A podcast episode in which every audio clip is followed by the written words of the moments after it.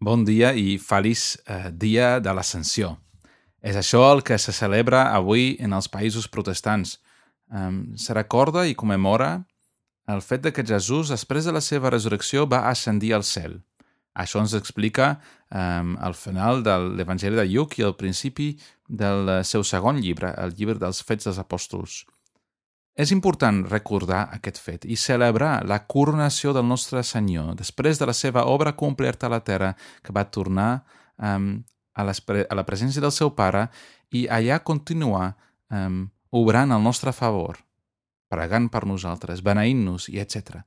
Avui us envio la predicació de l'any passat, la benedicció de l'ascensió, i espero que us sigui de, de molt gust. Una abraçada.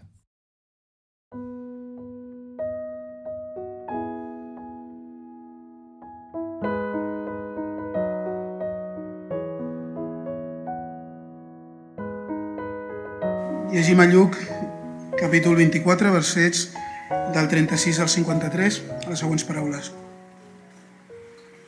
I mentre parlaven d'aquestes coses, Jesús mateix es presentà enmig d'ells i els diu, Pau a vosaltres. I espantats i plens de por, pensaven que veien un esperit. I els digué, per què us turbeu? I per què venen aquests pensaments als vostres cors. Mireu les meves mans i els meus peus, que sóc el mateix. Palpeu-me i mireu que un esperit no té carn ni ossos com veieu que jo tinc. I havent dit això, els mostrà les mans i els peus. I com que encara no s'ho creien d'alegria i estaven embadalits, els digué, teniu res de menjar aquí? I ells li van oferir un bocí de peix rostit i una bresca de mel. I ho va prendre i va menjar al seu davant. I els digué, això és el que us vaig dir quan encara era amb vosaltres, que calia que es complissin totes les coses que havien estat escrites de mi en la llei de Moisès i en els profetes i en els salms. Llavors els va obrir la ment perquè comprenguessin les escriptures i els digué, així està escrit i així calia que el Crist patís i ressuscités d'entre els morts al tercer dia, i que en el seu nom sigui predicat el penediment i la remissió dels pecats a totes les nacions, començant des de Jerusalem. I vosaltres sou testimonis d'aquestes coses. I heus aquí, jo envio sobre vosaltres la promesa del meu Pare. Sojorneu, doncs, a la ciutat de Jerusalem fins que sigueu revestits del poder de dalt i els va portar fora fins a Betània, va alçar les seves mans i els va beneir.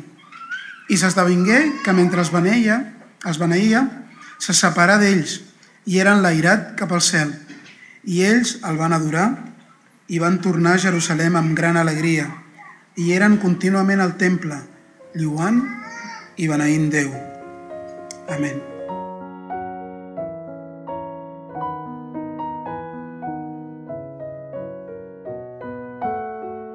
Feliç dia d'Ascensió.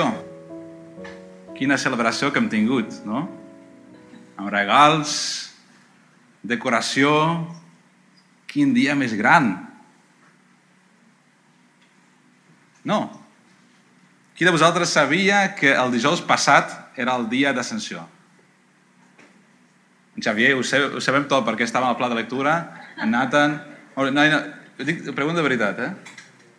No passa res, no passa res. Ah, després d'avui ho sabreu cada any. Vale? Potser, bueno, jo crec que hi ha molt poques persones al món que no saben quan es celebra el Nadal. O tot i que potser hem perdut bàsicament el seu enteniment, la Setmana Santa o, o el diumenge de resurrecció, molta gent sap quan se celebra això, però el dia de l'ascensió no. Potser és perquè el món no ha aconseguit comercialitzar aquest, eh, aquesta festa, no? Potser. I potser això no és tan estrany perquè a les esglésies tampoc no sabem què fer amb el dia de l'ascensió. Això veiem en les poques esglésies que, que celebren aquest dia. Vol dir que això és, que no és important, el dia de l'ascensió? Jo us diré que és super important. de fet, és tan important que qualsevol altra obra que Crist ha fet a la terra seria invàlid i fins i tot inútil sense la seva ascensió. Sense la seva ascensió, la seva obra aquí a la terra no era completa. Sense l'ascensió no tindríem esperança. I jo espero que tots sortirem després convençuts que cada any hem de celebrar el dia d'ascensió i que ho fem amb molta alegria i que muntem de veritat una festa. És molt important. Podríem dir moltes coses sobre l'ascensió, però avui ens quedem amb els últims tres versets de l'Evangeli de Lluc, versets 50 a 53. Per en Lluc l'ascensió és clau, és important, perquè Lluc escriu dos cops sobre l'ascensió. Al final del seu primer llibre, l'Evangeli de Lluc, i al principi del seu segon llibre, que és els Fets dels Apòstols. I quines són les parts més importants d'un llibre? Al principi i al final. Estudiants, si heu de llegir encara llibres, llegiu al principi i al final i ja sabeu segurament 80% del que heu de saber. Principi i final. És així. Avui farem moltes preguntes al text. Potser ens sentim una mica incòmode amb l'ascensió. Jesús que va ascendint al cel. Llavors fem preguntes. És molt important fer preguntes. Què passa amb aquestes mans a l'aire?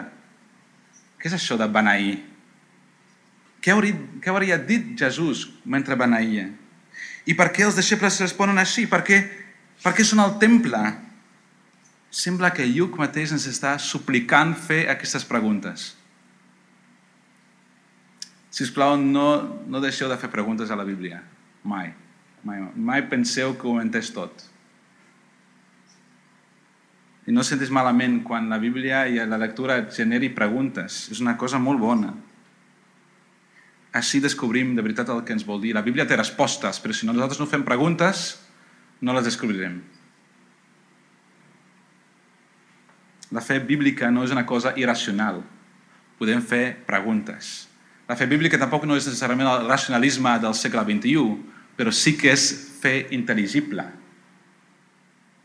De fet, Lluc vol que llegim el seu relat d'aquesta manera. Lluc ha fet el seu evangeli després de fer molta investigació, escriu al principi. Com un molt bon historiador, i tots els historiadors avui en dia ho reconeixen que Lluc era un bon historiador, ha fet molta investigació i després ha fet un relat amb molt d'ordre, en ordre, amb un propòsit, per mostrar que totes aquestes coses eren certes. Lluc vol que ens apropem amb preguntes intel·ligibles, amb preguntes i que pensem sobre aquestes coses. Així ens ho explica a la introducció. I ja, com sabem, al principi i al final d'un llibre són molt importants. Acabem de llegir l'últim verset de l'Evangeli i diu, no cal tornar, que els deixebles estan al temple. Últim verset. I eren contínuament al temple, Joan i beneint Déu. Però quan tornem al principi de l'Evangeli de Lluc, també veiem que ell, ell comença el seu evangeli al temple. Just després de fer aquesta introducció, ens trobem al temple. Veurem com els versets 50 i 53 són bàsicament una rematada de l'argument de Lluc al llarg del seu evangeli.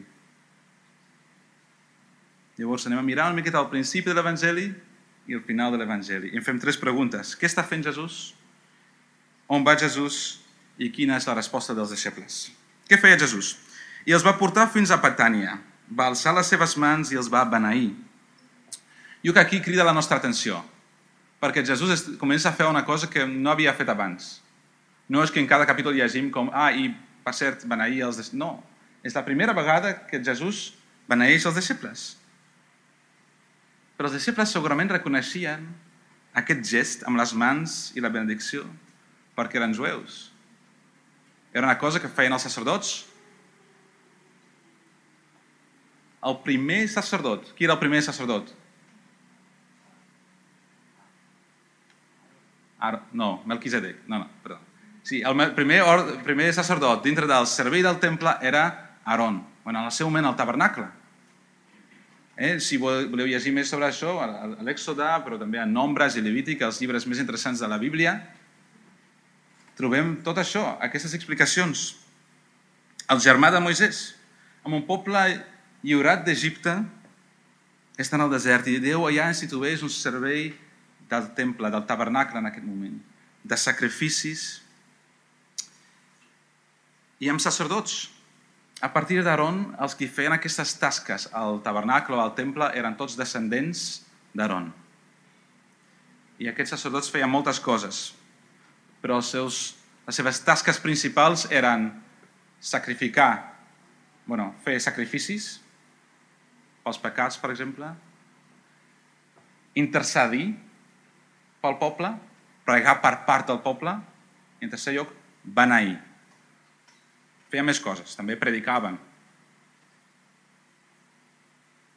Els sacerdots eren representants del poble davant de Déu. Davant de la presència de Déu, ells representaven el poble.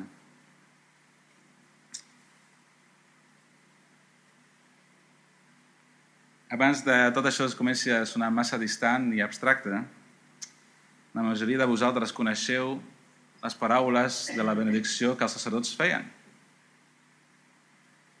Si has vingut tres o quatre cops, segurament una d'aquestes vegades heu sentit al final del culte la mateixa benedicció i ho fem molt sovint i, de fet, idealment cada diumenge, no necessàriament amb aquestes paraules, però justament perquè els sacerdots ho feien al final de la seva litúrgia, literalment.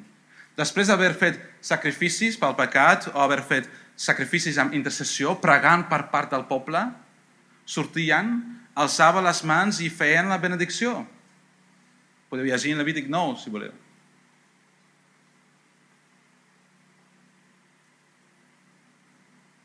Era una confirmació que Déu els havia escoltat. El sacerdot sortia, alçava les mans i deia aquestes paraules. Javé et beneeixi i et guardi. Javé faci resplendir el seu rostre damunt, damunt teu i t'afavoreixi. Javé alci el seu rostre cap a tu i et doni la pau. Paraules precioses que transmeten la inclinació, la disposició de Déu cap al seu poble. Déu és el qui et cuida. Déu és el qui et protegeix. Déu et somriu literalment.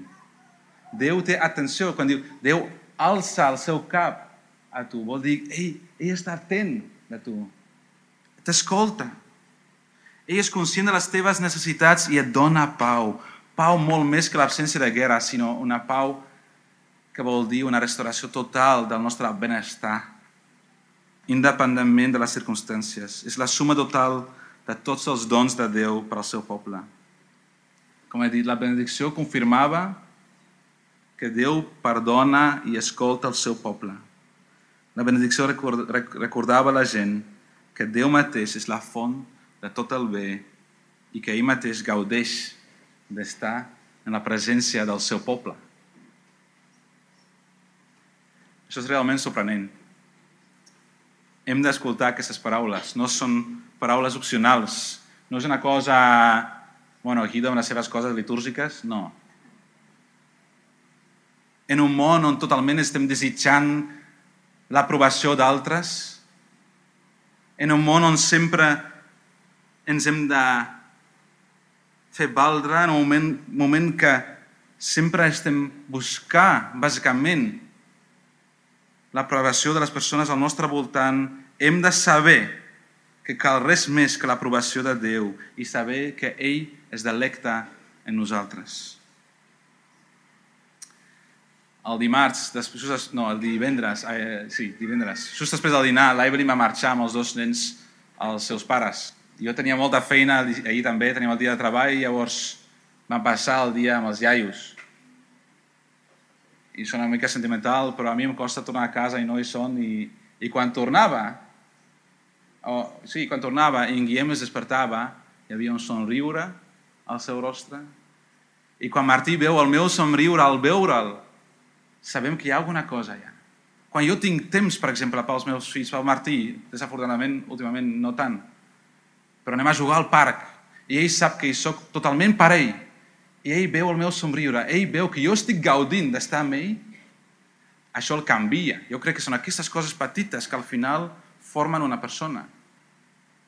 Déu somriu. Déu ens somriu, li agrada estar a la nostra presència. Però com és? Com pot Déu, Déu gaudir de nosaltres? Com és això? Com podem estar segur que ell ens accepta i es delecta a nosaltres? Potser penseu ara, ei Guido, què ha passat amb en Lluc? Eh? Estàvem a Lluc, oi? Tornem, tornem a Lluc, però a vegades s'ha d'explicar alguna cosa, no? Si es menciona el temple i un sacerdot, perquè, de fet, al principi de Lluc menciona Aaron, no un cop, sinó tres, una manera, un, un, en un moment de forma explícita i dues maneres implícites. Comencem amb Zacarias, que era un sacerdot. Què volia dir? Ja sabem, era un descendent d'Aaron. Casat amb Elisabet, que era filla d'Aaron, era descendent d'Aaron. A més, el nom Elisabet era el nom de la dona d'Aaron, Elisheva, en hebreu.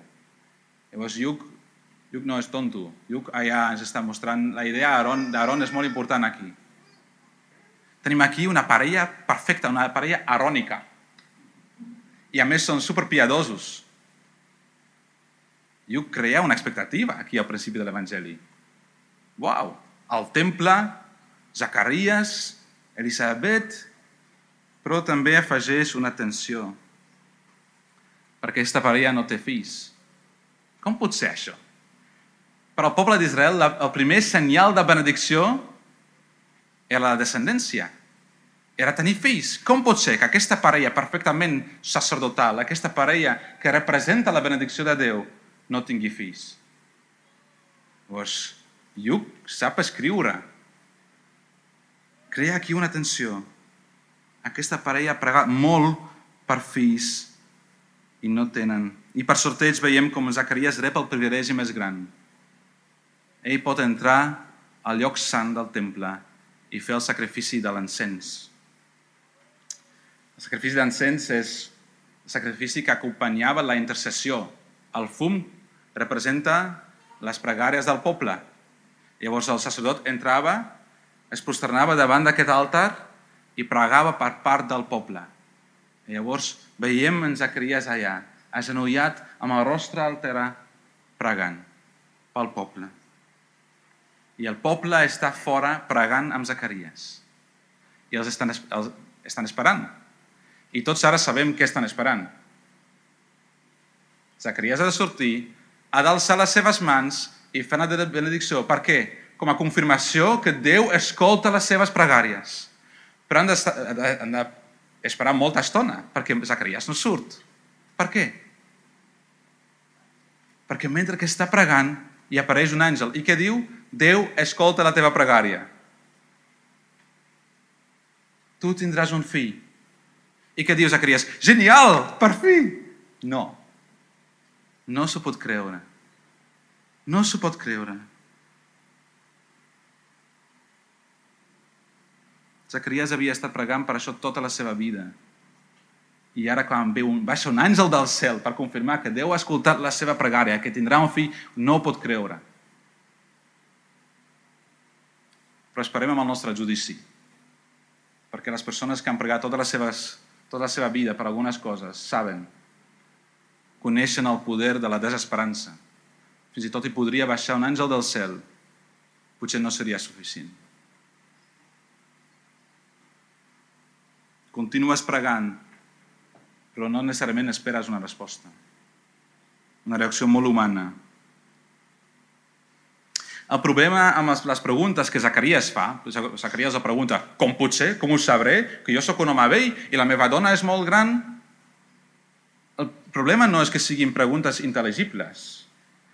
El problema és que aquestes preguntes mostren el cor de Zacarias ell pensa que ell mateix ha de guanyar aquesta benedicció, que la benedicció depèn d'ell mateix, de la seva edat, del que ell pugui fer, mentre que Déu diu, jo he escoltat la teva pregària i tindràs el fill, tindràs el més gran senyal de la benedicció.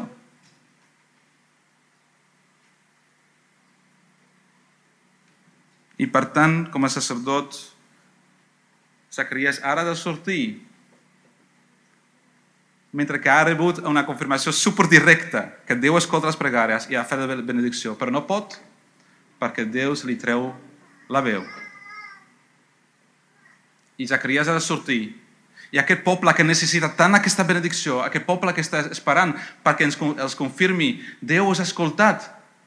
Zacarias fa un gest i diu, marxeu, torneu a casa, avui no hi ha benedicció. Zacarias és un sacerdot molt imperfecte. I així comença Lluc el seu evangeli. Ell podria ser deu vegades sacerdot i fill d'Aaron, podria ser casat amb la filla primera d'Aaron, podrien ser els més piadosos, però ell no pot guanyar la benedicció pel seu poble. Mentre que depengui de Zacarias, la gent a fora no rebrà la benedicció de Déu. I Lluc deixa molt clar que algú més gran haurà de venir per guanyar-nos aquesta benedicció. L'Evangeli de Lluc acaba, i hem llegit, no per casualitat, amb un grup de deixebles.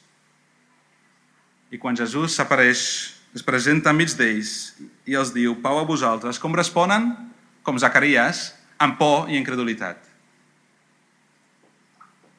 Plens de por i espantats, diu. Pensaven que veien un esprit. I Jesús es mostra les seves mans, els peus, carn i ossos, Soc real, jo sóc realitat. No sóc un esperit, no sóc un fantasma. Fins i tot demostra que té un sistema digestiu. Menja, menja peix. La seva victòria i la seva resurrecció no és només una cosa espiritual, és físic, és real, és palpable. I després els explica que tot això és per, perquè tot l'Antic Testament, la llei de Moses, tots els rituals es fan realitat en ell mateix. Aquests rituals, aquests sacrificis, el sacrifici d'encens i les altres coses només eren ombres. Ombres de la realitat que Crist mateix portaria. Parlant de la redenció redempció realitzada, no? El títol d'aquesta predicació. Quan Jesús els porta fora a Betània, alça les mans i els beneeix. I els deixebles, com jueus que són, saben el que està fent. Van escoltar aquestes paraules moltes vegades, però ara veuen la realitat. Veuen les paraules realitzades. No una ombra no un desig, sinó la benedicció realitzada en Crist mateix. El que Zacarias no va poder fer, Crist ha fet. Ell és el sacerdot i el sacrifici perfecte, ja ho he explicat. I els deixebles ho saben. Ells l'han vist morir a la creu, on va morir, on, on es va sacrificar a si mateix pels seus pecats. D'una vegada per totes i la seva resurrecció i la seva ascensió ratifiquen aquesta obra. Ell pot donar la benedicció perquè ell és la benedicció. En Crist som totalment, completament salvats i, per tant, plenament guardats i protegits per Déu. En Crist Déu ens somriu perquè Crist ha rebut tota la ira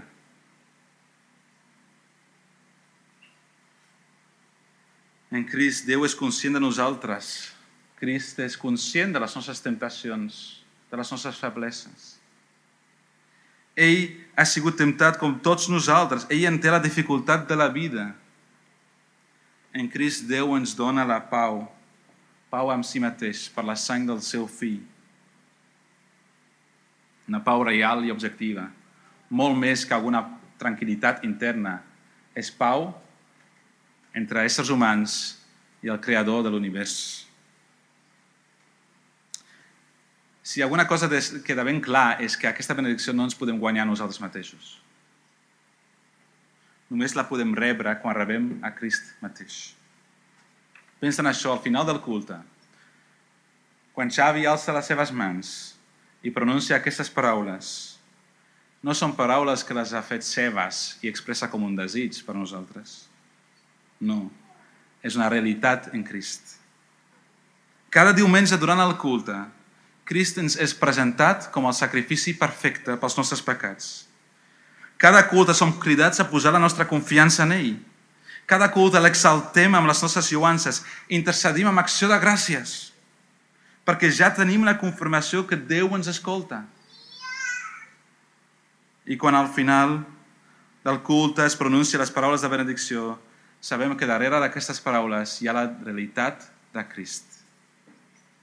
Llavors, al final del culte, rebreu la benedicció amb mans obertes i digues amén i viviu confiadament sota la benedicció del nostre Senyor.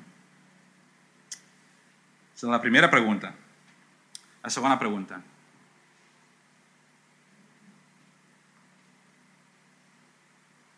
La primera pregunta era què feia Jesús? Ens beneeix perquè ell mateix ens ha guanyat la benedicció. I veiem aquí que ell continua beneint. I s'esdevengué que mentre els beneïa, se separà d'ells i era enlairat cap al cel. Jesús no deixa de beneir. Mentre que els està beneint, era enlairat cap al cel. Això vol dir que l'última cosa que, que els deixebles veuen de Jesús són les seves mans esteses. I no tenim cap raó per pensar que ell ha deixat de beneir-los. Lluc acaba l'Evangeli amb una benedicció sense fi. Una benedicció amb garantia. Al principi de la predicació he dit que la fe bíblica és intel·ligible. Això no vol dir que entenem tot. Algun dia entendrem tot. Però ara mateix hi ha coses que jo no entenc. Però tot i així, amb confiança en l'Evangeli, hi han coses que se'ns expliquen. Per exemple, jo no sé exactament com és el cel, però sabem que Crist en la seva plena humanitat glorificada, però humanitat amb carn, ossos i sistema digestiu, hi és. Llavors, com a mínim, em dóna la impressió que el cel és un lloc físic. No? Jesús no és, una, no és un fantasma. El seu cos no es va separar del seu esperit. La seva divinitat no es va separar de la seva humanitat. El cel, per tant, tampoc no és un espai mític o eteri. És real i és físic. Perquè Crist hi és. Ara mateix. Ara mateix Crist hi és. No ho entenc, però hi ha una persona amb boca i estómac al cel i el seu nom és Jesús.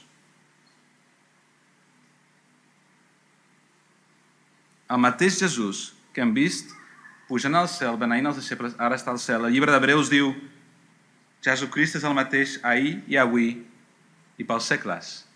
És el mateix Jesús. Aquesta és la nostra garantia. Molt més que un sacerdot en un temple que ens ha de representar i ha de fer un munt de sacrificis i coses per intentar confirmar-nos tot això, tenim una garantia perfecta al cel. Una garantia que no caduca. Tenim Jesús com a perfecta representació de la nostra humanitat davant de Déu Pare.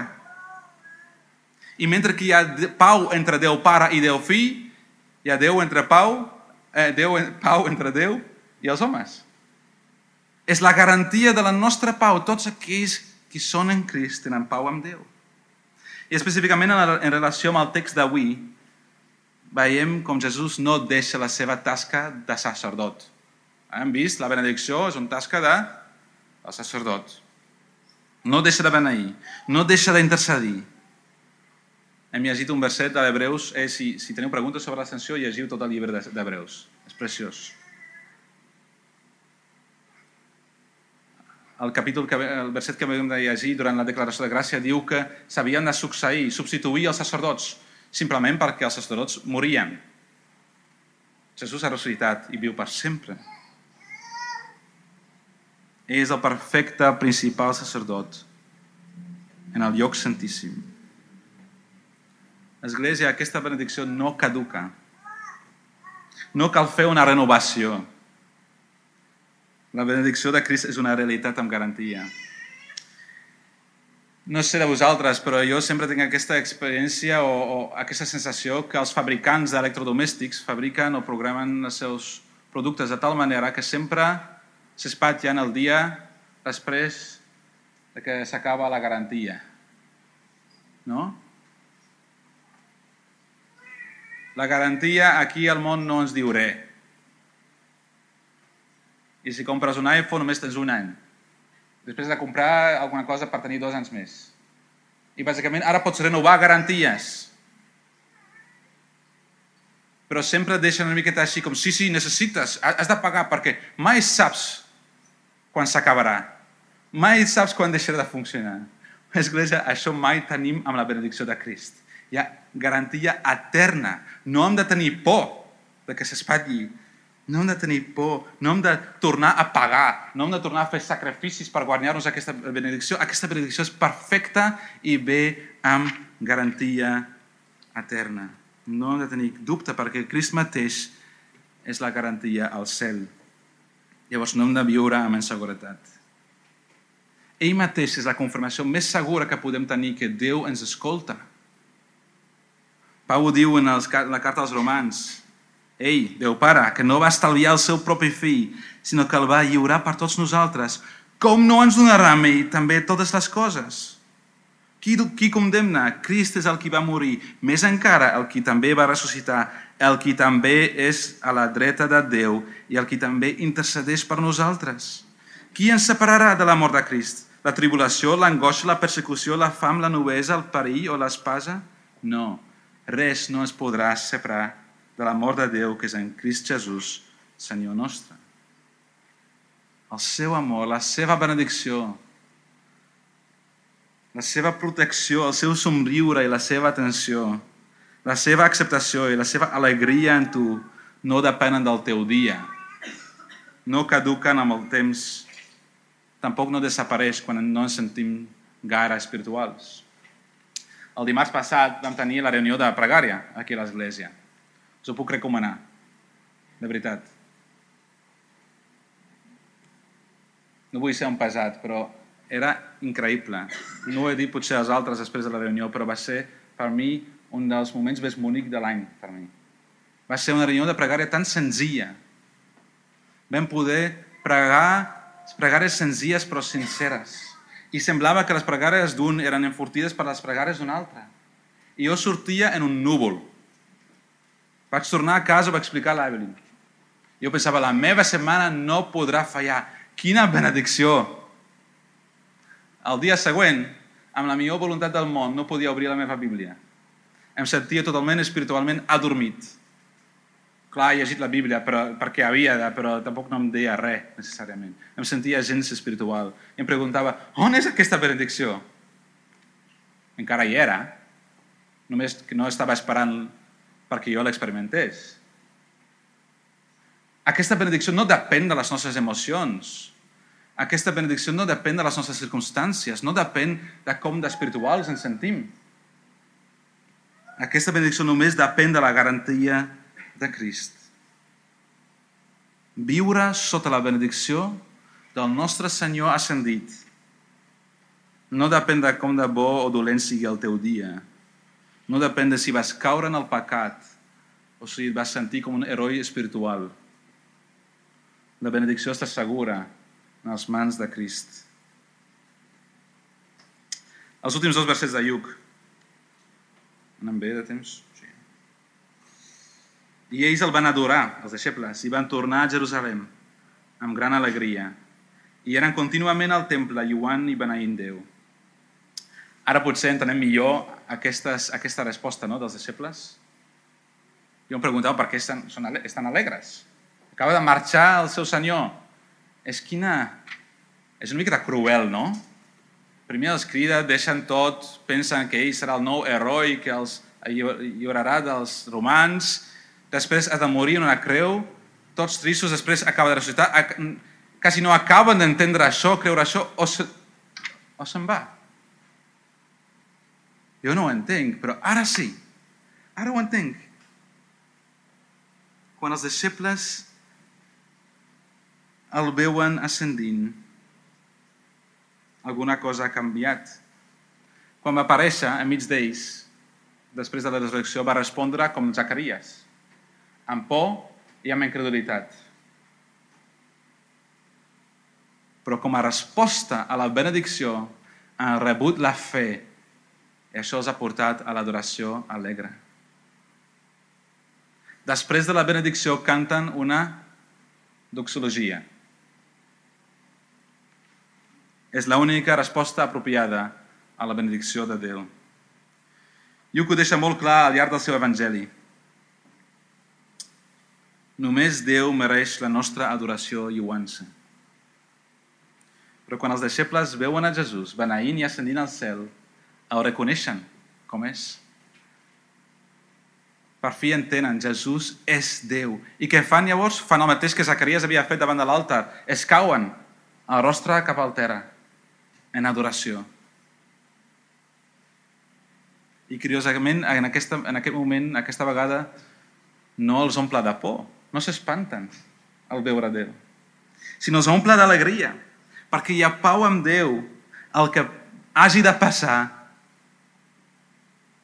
jo el beneiré.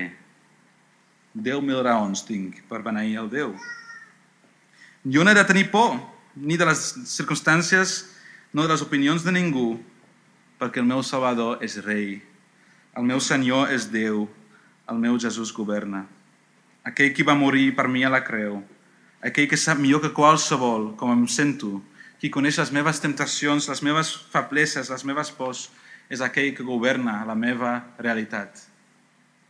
Els deixebles aleshores, així vam començar la predicació, estan al temple, constantment.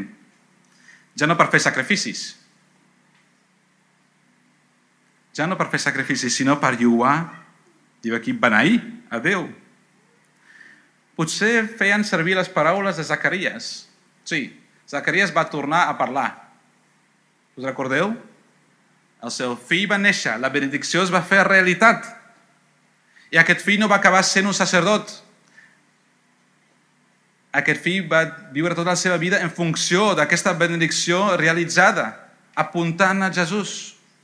I en el moment que ell escriu que el seu fill es dirà Joan, llegim, i a l'instant se li destrava la boca i la llengua. I què feia?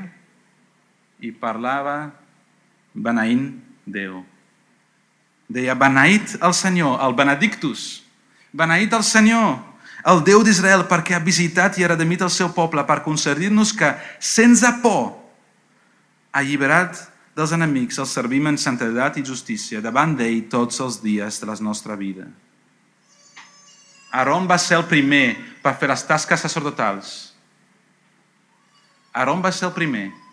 Crist és l'últim, que continua la seva tasca a favor nostre. Perquè nosaltres aquí podem viure confiats sota la benedicció del nostre Déu. Església, comencem a donar la deguda atenció al dia de l'ascensió. No, molt més que això. Comencem a donar la deguda adoració al nostre Senyor ascendit. No un dia a l'any, sinó cada dia. Adorem un gran rei. Prestem atenció a aquestes parts de la història de la salvació i no només de la història, sinó de la realitat actual, que Crist, que és el mateix ahir, avui i demà, que ara mateix està al cel intercedint per nosaltres i ara mateix està al cel com a garantia de la nostra benedicció. I visquem llavors amb confiança sota la benedicció segura del nostre Senyor al cel. I donem-li tota la glòria